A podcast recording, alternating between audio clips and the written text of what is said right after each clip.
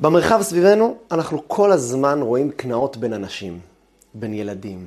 בבית הגדול מקנא בקטן, שלוקח ממנו את כל התשומת לב, והקטן מקנא בגדול, שהוא הבכור והוא המוביל, ונותנים לו אחריות על כל מיני דברים. בכיתה כל הזמן ילדים מקנאים אחד בשני, וזה כל הזמן, לכל אורך השנה. במשחק החדש של החבר, במבחן שהשני הצליח, בתפקיד שהמחנך נתן לאחד הילדים. הקנאה היא חלק מהמרחב ומהחיים שלנו במרחב, שאנחנו רואים סביבנו. זה כל הזמן צף, כל הזמן. קנאה, קנאה, קנאה. מצד אחד, הקנאה, התאווה והכבוד מוציאים את האדם מן העולם, אומרת המשנה. זאת אומרת שזה מחריב את החיים. קנאה זה דבר שיחריב לך את החיים שלך. תראו מה קורה לקורח. תראו, הבן אדם הזה החריב את החיים שלו. היה לו הכל ביד. היה עשיר כקורח, כמו שאומרים. והוא היה, היה לו הכל. וקנאה אחת גמרה לו את החיים. הקנאה, התאווה והכבוד מוציאים את האדם מן העולם. מצד שני, אבל, אין קיום לחיים בלי קנאה. אנשים לא זזים עד שמתחילים לקנות בשני. למה יש לו ולי אין? בלי קנאה, אדם לא מתחתן. אדם מתחתן כשכולם מתחתנים. אדם קונה דירה כשכל הסביבה שלו קנתה דירה. זה נהיה לחץ. כאילו, ההיגיון, מה תקנה דירה? יש כל כך הרבה היגיון לא לקנות דירה, עם כל החובות עד סוף החיים שלך, אבל אין, כאילו, אתה, אתה מרגיש כאילו לא קנית דירה, אין לך חיים. אז מצד אחד, אנחנו רוצים את הדירה רק בגלל שהשני עשה את זה, וילד מתחיל ללמוד טוב רק כשהוא קולט שמתי שהוא הוא, הוא, הוא מצליח, או שילד אחר מצליח, הוא מקבל יחס טוב ודברים טובים, אז גם הוא רוצה את זה. ומצד שני, אנחנו אומרים שזה דבר שהורס ומחרב את החיים. מה עושים? לקנות או לא לקנות? זה בונה אותנו, אבל זה גם הורס אותנו. איך מקנים נכון? או שאין דבר כזה לקנות נכון. אין, קינה זרוק אותה לפח. תראה מה קרה לקורח, תראה מה קרה לאלה שקינו. אל תקנא. אבל אם אני לא מקנא אז אני לא זז, אני שוכב במיטה כל היום. מה, ידרוב, מה ידחוף אותי קדימה? מה ייתן לי את הדרייב? אז איך מחברים בין שתי קצוות שנראה לנו בלתי ניתנים לגישור? היום אנחנו נראה שקינה זה לא המלצה. קינה זו חובה. אבל נלמד איך עושים אותה נכון. ואנחנו נראה את זה כרגיל מתוך פרשת השבוע שלנו, פרשת קורח. פרשת קורח נראה קנאי שהקנאה לקחה אותו לקבר, לתהום. פירקה לו את המשפחה, את עצמו, לדיראון עולם. מצד שני, נראה קנאים שמוזכרים אצל כולנו בהערצה. לא כמו קורח. הם יהיו קנאים לא פחות מקורח, מבטיח לכם. אתם תראו. אבל הם מוזכרים אצלנו בהערצה וסמל ודוגמה. רוצה להבין מה ההבדל. איפה קנאה זה טוב או לא טוב, קורח או אחרים.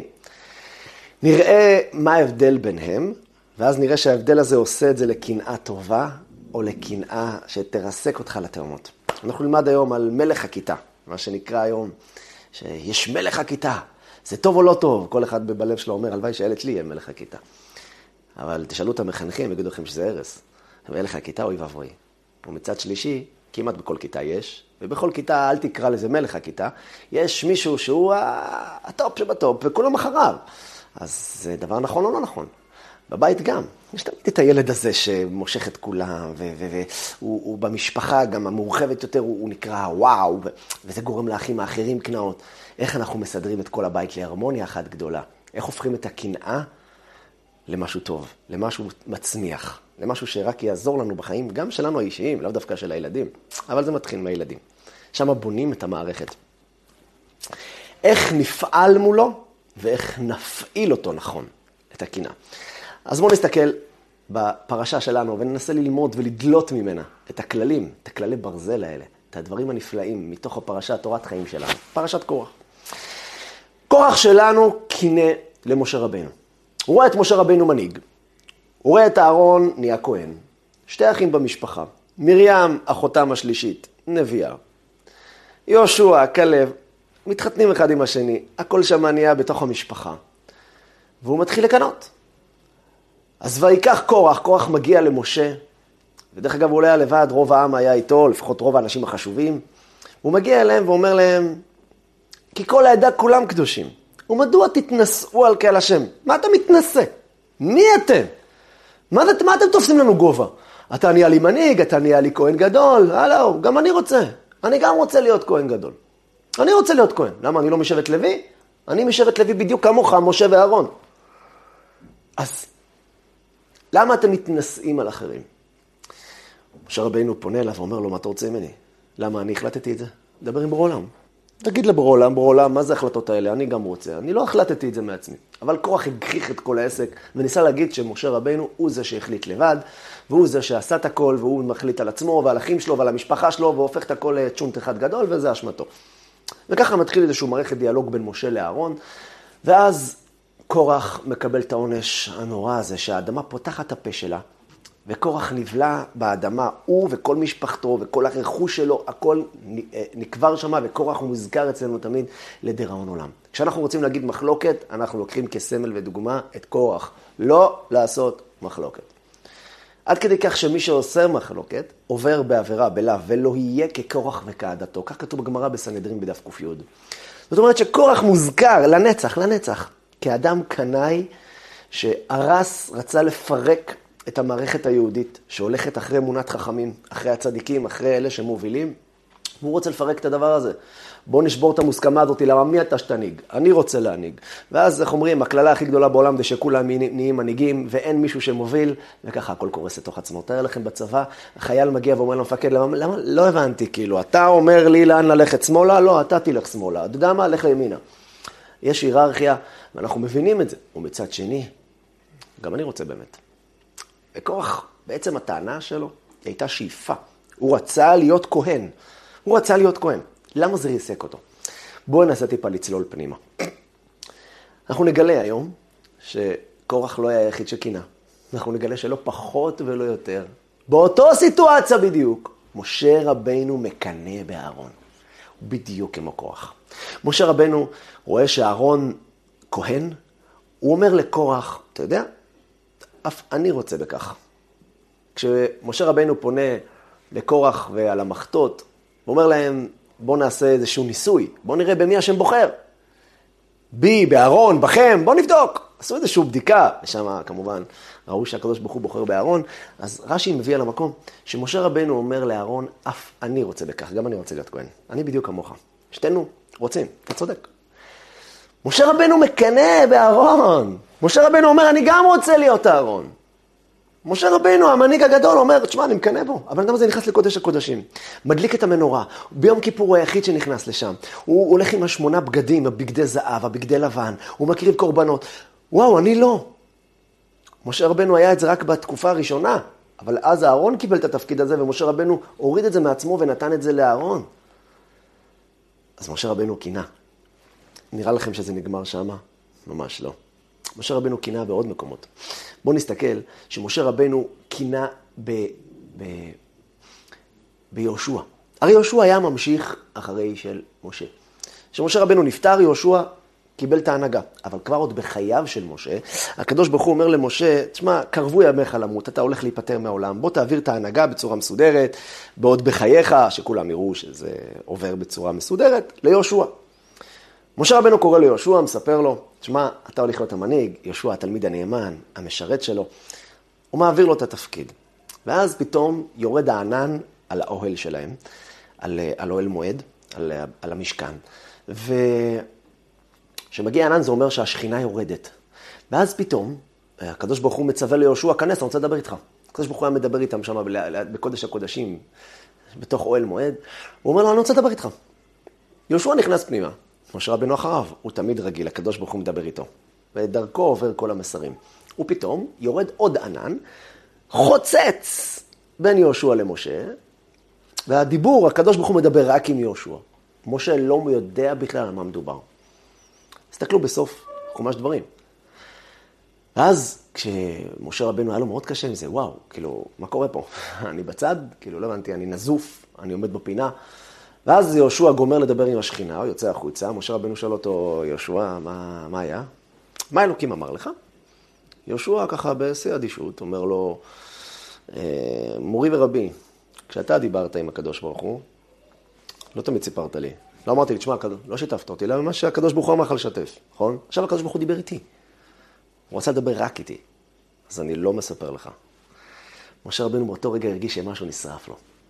משה רבנו נשרף לו משהו בפנים. משה רבנו אומר, ככה אומר המדרש, אלף מיטות ולא קנאה אחת. הוא הרגיש שהקנאה שהוא מרגיש קשה לו יותר מאלף מיטות. אלף מיטות, משה רבנו, מה אתה מקנא? מה זה הדבר הזה? משה רבנו, תמיד דיברו איתך. לא, הוא ראה שפעם אחת לא, הוא הרגיש קנאה ששרוף אותו, אני רוצה גם. אני רוצה לשמוע את מה שהשם אומר ליהושע. אז זה טוב או לא טוב? האם זה דבר נכון או לא דבר נכון? משה רבנו בעצמו קינה, ובסיפור הזה האחרון שראינו, אפילו יותר מכוח. אבל זה גם לא נגמר שמה. גם רחל אימנו, האמא הצדקת הזאת, שנתנה את כל מה שיש לה לאחותה לאה, והיא הייתה אמורה להתחתן לבד עם יעקב, וויתרה שגם לאה תתחתן, ואפילו הראשונה. כתוב, מתי שללאה היה ילדים ולרחל אין ילדים, ותקנא רחל באחותה. קינה. רחל קנאה לאחותה. קינה, כן, קינה. היא גם רצתה ילדים. או קנאה במעשיה הטובים, שבזכות זה היא זכתה לזה, אומר רש"י. אז רחל קינה. משה רבנו היה מקנא. מלאכים מקנאים. כשיעקב אבינו ישב, ישן ב, ב, על האבנים, והוא חלם עם הסולם מוצב ארצה, ומלאכי אלוהים עולים ויורדים בו, המלאכים האלה קינו ביעקב, כתוב בחז"ל. הם קינו בו. הם ראו את דמות דיוקנו של יעקב חקוק על כיסא הכבוד, והם ירדו למטה ורואים את אותו דמות. הם קינו בו, מי זה הבן אדם הזה? בואו נראה מה זה. המלאכים משרתים אותו, הם קינו בו. מלאכים היו מקנאים. ותבינו שמלאכים אין להם יצר רע. אז אם הם מקנאים זה חייב להיות קנאה טובה. אז אני לא מבין מה קורה פה. מה החטא הגדול של כוח? מה אתה מקנא? מה זה מה אני מקנא? למה משה רבנו לא קינה? רחל לא קינתה? מלאכים לא קינו? כולם מקנאים. למה אצלי זה בעיה? אז בואו נבדוק שנייה את הנושא של קינה. אנחנו נגלה משהו מדהים. תדעו לכם, שקנאה זה הדבר הנפלא ביותר שאדם יכול לאחל לעצמו, למשפחתו ולכל הסובב אותו. אדם לא יעשה פסיעה אחת בחיים שלו בלי קנאה. אין דבר כזה. קנאה מדרבנת בן אדם לקום מהמיטה ולעשות משהו עם החיים שלו. אדם שלא היה לו קנאה, הוא לא היה מסתכל על חבר שלו שמצליח, הוא לא היה אומר, וואו, בוא'נה, תראה, אני, אני חייב לעשות את זה. הוא לא היה מתקדם אפילו פסיעה אחת. אני אה, ראש כולל בבוקר, פה באיזשהו כולל פה בשכונה שלנו. עומדים הלכה, הלכה למעשה, מוציאים תעודה של רבנות בעזרת השם. הלכות שבת כרגע אנחנו אוחזים. הבאתי איזשהו אברך צעיר, ממש בימים האחרונים, למסור שיעור בכולל שלנו. ידיד, ידיד שלי. הוא תלמיד חכם עצום, בן אדם בן 30. בקיא ושולט באלפי ספרים על הלשון בעל פה. והוא הגיע לשיעור וכולם יצאו מהכלים. וואו, מה זה? טה-טה-טה-טה-טה-טה, כמו מכונת עירייה. מהספר הזה, מהספר הזה. כשהוא יצא, האברכים נכנס להם דרבון. הרבה, שמעתי הרבה משפטים. תשמע, אין תירוצים. אי אפשר להגיד, אה, לא כל אחד יכול. הוא אברך פשוט היה. יש שם חבר'ה שהכירו אותו מהשכונה כילדים, רבו מכות ביחד. הכל בסדר. הוא היה ילד רגיל לחלוטין. יום אחד הוא תפס את עצמו ועשה עם עצמו משהו, והוא הצליח להגיע לפסגות. זה גרם לאברכים האחרים לדרבון פנימי. הדרבון הזה הוא טוב או לא טוב? הם מקנאים בו. הם ממש קינו בו. התשובה היא זה מצוין. בלי זה, מה יקדם אותך? מה יעשה לך, להבדיל את העסקים שלך המוצלחים? מה? תגיד לי מה. כן, אתה עכשיו קם בבוקר, מה יעשה לך עסק מוצלח? אתה יודע מה? כשאתה שומע שההוא לידך פתח איזה סטארט-אפ, והוא הביא מכה של 100 מיליון. אולי זה מדי גבוה בשבילך, בסדר, 100 מיליון, תגיד, טוב, בסדר. אוקיי. אמ, הוא הביא 10 מיליון, הוא הביא מיליון. אתה אומר לעצמך, אז אפשר. אני אעבוד קשה, אני גם אעשה את זה. ואתה קם בבוקר ומנסה לחשוב חשיבה מחוץ לקופסה, מנסה לפתח את העסק שלך, וככה אתה מצליח. אין מציאות להתקדם ללא קנאה. מה שדוחף אותנו לחיים, זה לא זה שאני מחליט יום אחד שאני חייב להינשא. תשמע, אני לא יכול בלי אישה. אני חייב להיות נשוי עם עול משפחתי ופרנסה. רוב האנשים לא עושים את זה בגלל זה. הם צעירים מדי בשביל אפילו לקלוט את המשמעות של החיים. הם קולטים את זה אחרי שהם קופצים, קופצים לבריכה.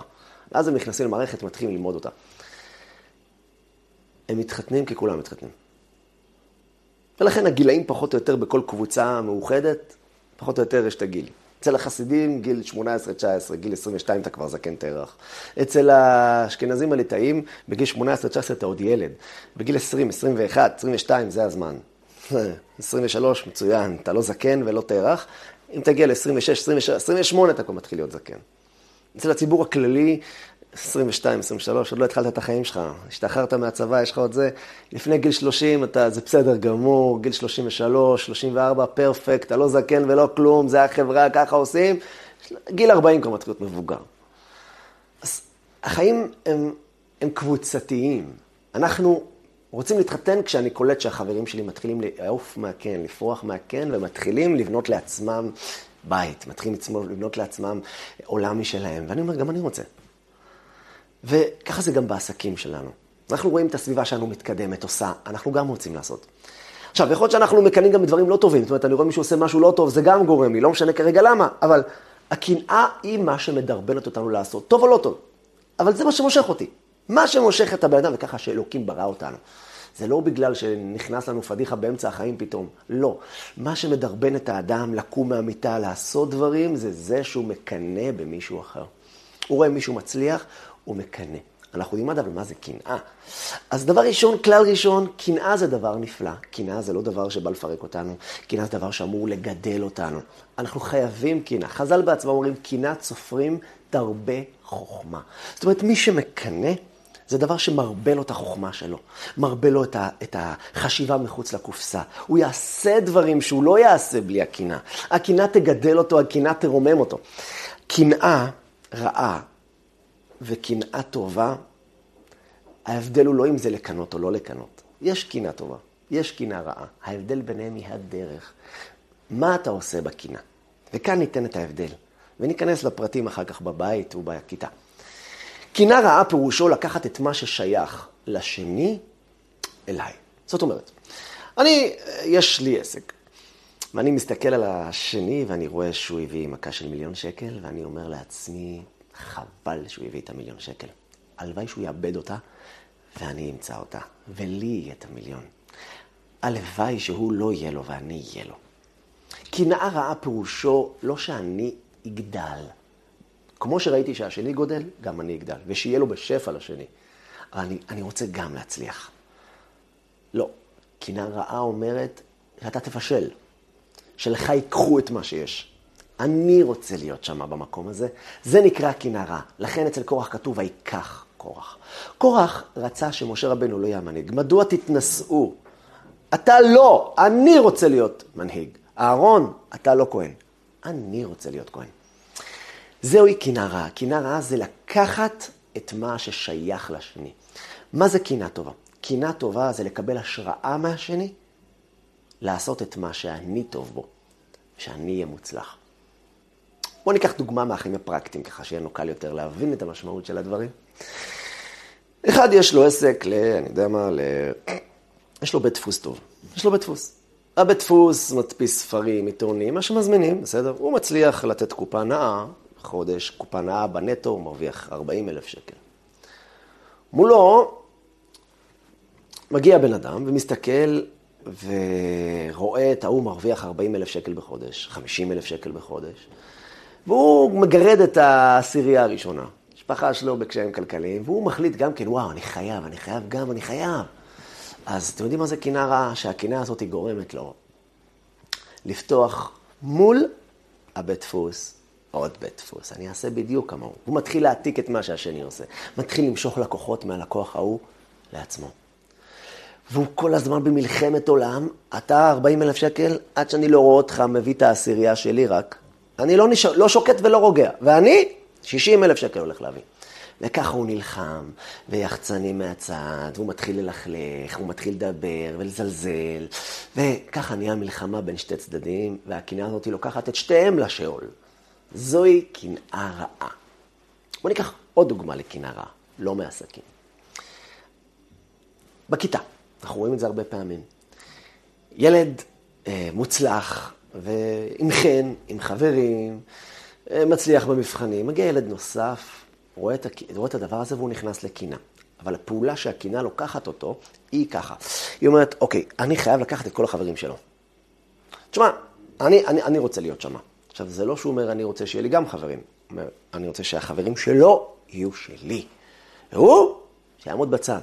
ויום אחד שהוא יראה אותו קצת אה, מסתכסך עם מישהו מושפל, הוא ינסה להכניס עוד אצבע בעין, עוד מקל, עוד משהו, כדי שכל מה שיש לך, יהיה לי. התהליך שהוא עובר הוא תהליך נכון, הוא מתחיל איתו במצב טוב, אני רואה אותך ככה, אני גם רוצה, אבל אז הוא רוצה את המשבצת של השני. הוא לא רוצה שהמשבצת שלו תהיה טובה יותר, הוא לא רוצה שבעסק שלו, למשל, אתה יש לך בית דפוס, אני לא, צריך, אני לא כזה טוב בבית דפוס. אני טוב, יש לי כישרון במשהו אחר. בוא ניקח את הכישרון הזה. לא. הוא רוצה את שלך, את הכישרון שלך ואותך. וכן בילד הזה, הוא רוצה שהחברים שלך יהיו שלו. הוא מנסה לקחת לך, לגמור אותך, ושהוא יגדל ויתרומם דרך זה שאתה תשפל ותרד למטה. זוהי קנאה רעה והרסנית. גם בבית. בוא נגיד דוגמה. איך גורם קנאות בבית? בוא ניקח דוגמה. יושבים שולחן שבת, ילד אחד עם קול יפה. הילד אה, מרים את קולו בשיר, ובדיוק מתארחים הדודים, והסבא והסבתא, לא משנה באיזה סיטואציה, ווואו, כולם, שיו, איזה קול, מוישה, איזה קול יפה, איזה נעים, יאללה, תן לנו עוד שיר. מה קורה ברגע הזה? האחים האחרים, שנלחמים גם על המשבצת הזאת של היחס, ילדים, כולם בני 10, 11, נדלק להם העיניים. והם מסתכלים ומקנאים. אז יש הורים שיגידו, תשמע, אני לא נותן לך לשיר.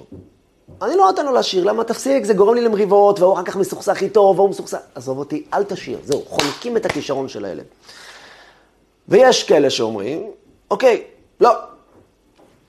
הוא שר, עכשיו תור פנחס לשיר, ופנחס הזה ניחן בקול של צפרדע, קול צרוד, לא משהו, והוא גם מנסה את קולו, והסיכוי שהוא מצליח להגיע לפסגות של משה זה, זה לא, לא בדיוק אה, סיכוי גדול.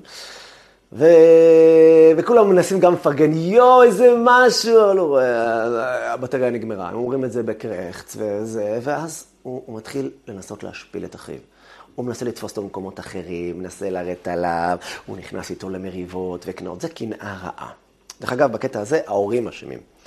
לא הדרך הראשונה שבו אתה חונק את המוצלח, ולא הדרך השנייה שבו אתה מנסה לעשות את הלא מוצלח, מוצלח בדיוק במה שהשני מוצלח, זו לא הדרך.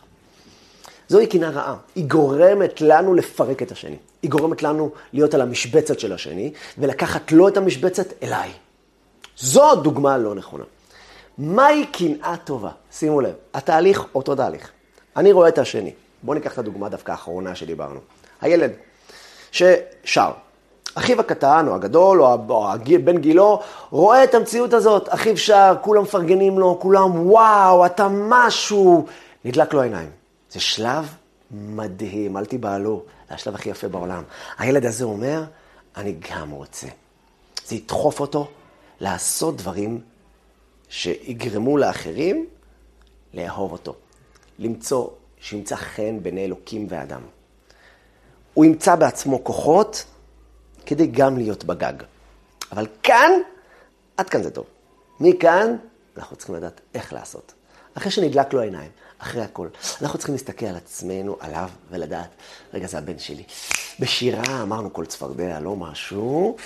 מה הוא טוב, מה הוא טוב? וואו, הוא טוב בציור. הוא טוב בציור.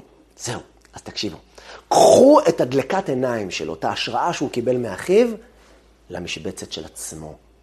לציור שלו.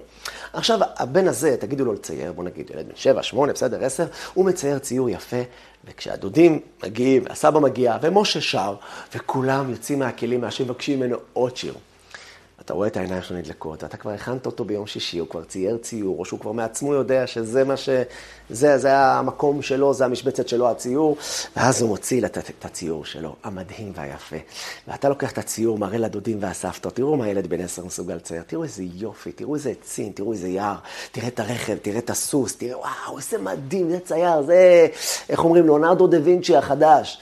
אתם מסתכלים, וכולם...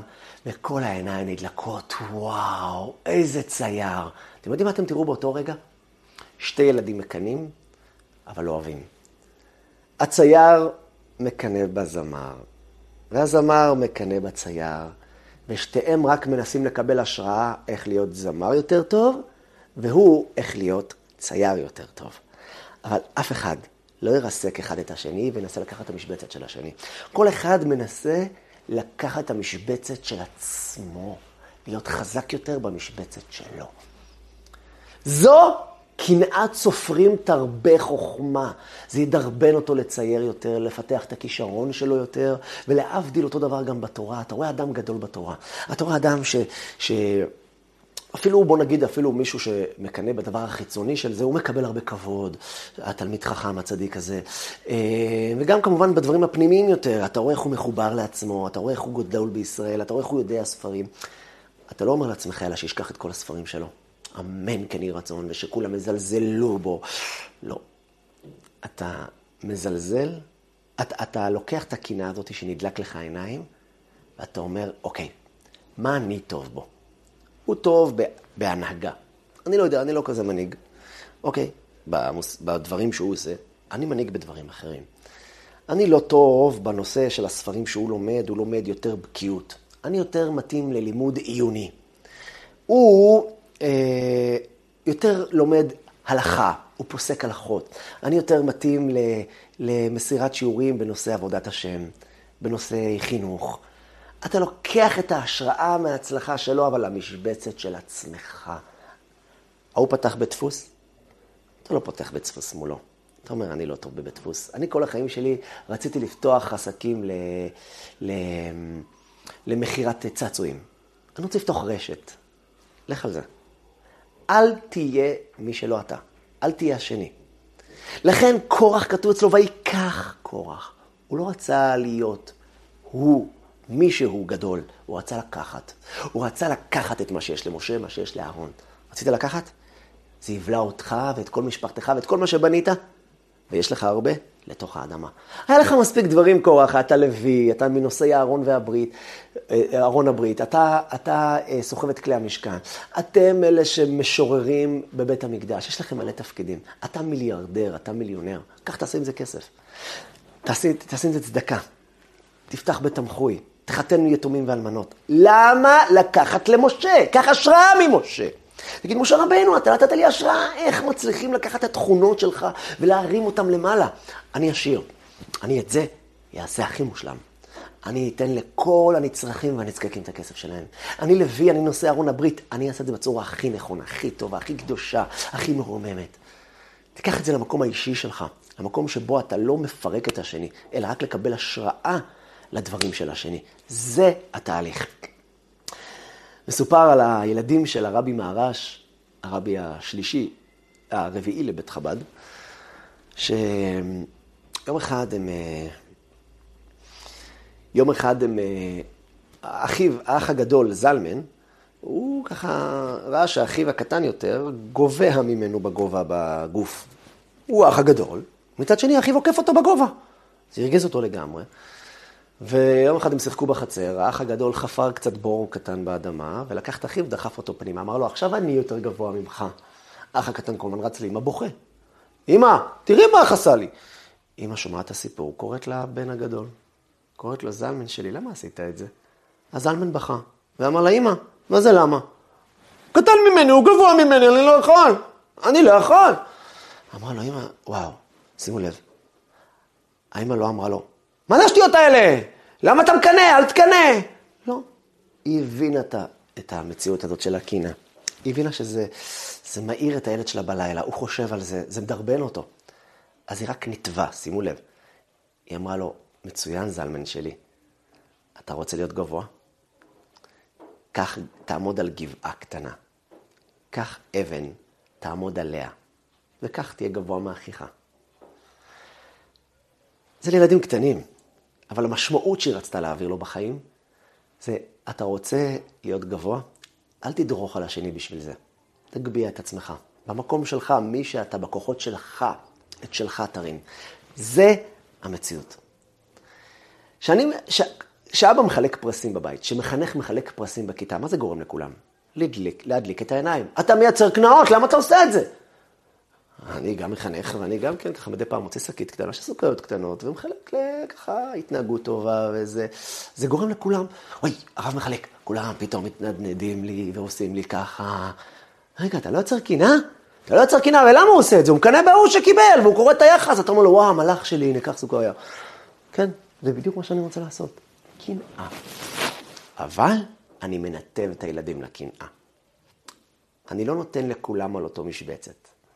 אני לא נותן את הסוכריה על אותה פעולה לכולם. כי לא כולם נמצאים במקום הזה. וילד שנמצא פחות, הוא, יותר, הוא פחות מוצלח בדבר הזה שעליו אני מחלק את הסוכריה, ושלעולם הוא לא יגיע להוא המוצלח, הוא ינסה לפרק את ההוא. כי ההוא גורם לו להיכנס למשבצת של ההוא. כי אני הרי לא אצליח אף פעם שם, או שאני אצליח חלק, אני חייב להוריד אותו.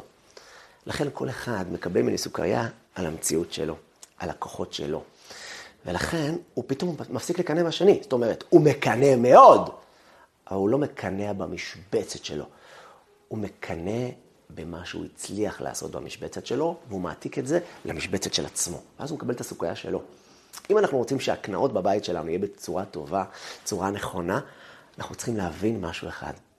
לכל ילד במשפחה שלנו יש לו תכונות אחרות, יש לו כישרונות אחרים, וזה טוב שיש קנאה ביניהם, אבל הקנאה צריכה להיות מנותבת לזה שכל אחד ייקח את מי שהוא והכוחות שלו לגג של עצמו.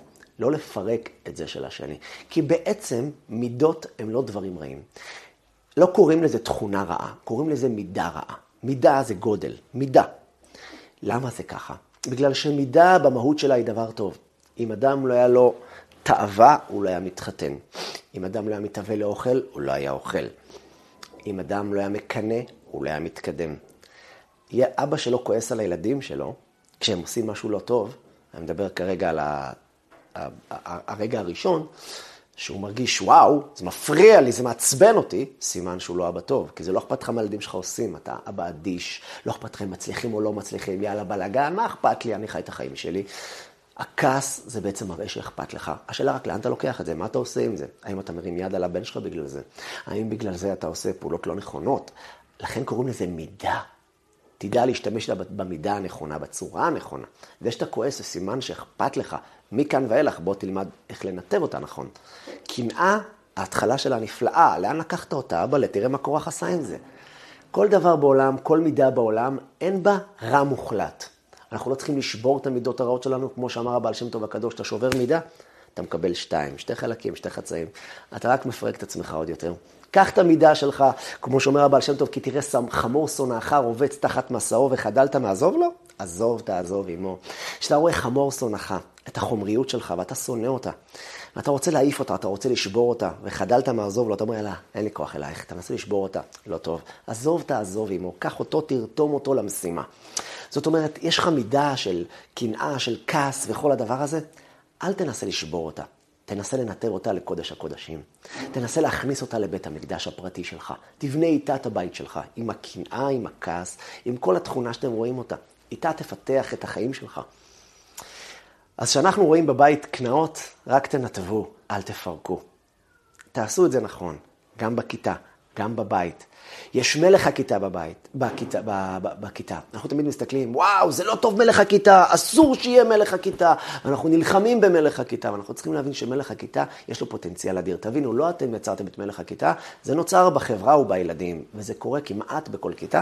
לא תמיד קוראים לזה מלך הכיתה, אבל יש את האחד הזה שהוא הטופ שבטופ. הילד הזה יכול לגרום לכם הרבה טוב, אם תנתבו את זה נכון, תבינו, הוא ידליק לכם את כל הכיתה. בגלל שכולם יראו את ההצלחה שלו, כולם ירצו להיות מוצלחים. רק תנתבו נכון. אל תיתנו לילד של מלך הכיתה לדרוך על אחרים כדי שהוא יהיה גדול. תנסו לתת לו את המקום שלו האישי, ולכל ילד מקום אישי בנפרד. ויש לי 40 ילדים! יש יותר מ-40 דברים יפים בחיים שלנו. הבעיה שאנחנו לא מוכנים להפעיל את הראש. יש לנו שלושה, ארבעה דברים, זהו, זה המוצלח. לא נכון. יש אחד מוצלח בתפילה, אחד מוצלח בעיון, אחד בבקיאות, אחד בנביא, אחד בחומש, אחד בחשבון, אחד בציור, אחד בשירה. לכל אחד יש את המקום שלו, אחד במשחק כדורגל, אחד במשחק אג'ואים. תפתחו את הילדים, תנו להם את הגג שלהם. המלך הכיתה ייתן את ההשראה לכולם, אל תפרקו אותו. תאמינו לי, הוא יהיה את זה, תרצו או לא תרצו, ואם תפרקו אותו, אז הוא יישבר. לא עשינו את זה נכון. קחו את מלך הכיתה, תרתמו אותו לחיים, תרתמו אותו לדרבון של הכיתה, אבל כל הזמן לשים עיניים, לראות שאף אחד לא נלחם על המשבצת של השני. תנסו לכל אחד לייצר לו תחום, מסגרת, משבצת, שבה הוא יגדל, בה הוא יפרח. אז קנאה זה הדבר הכי טוב שאתם יכולים לעשות בחיים שלכם, רק לא קנאה של קורח. הקינה של משה, של מלאכים, של רחל אמנו, זה הקינה המוצלחת. אז בואו נקנא. נקנא נכון.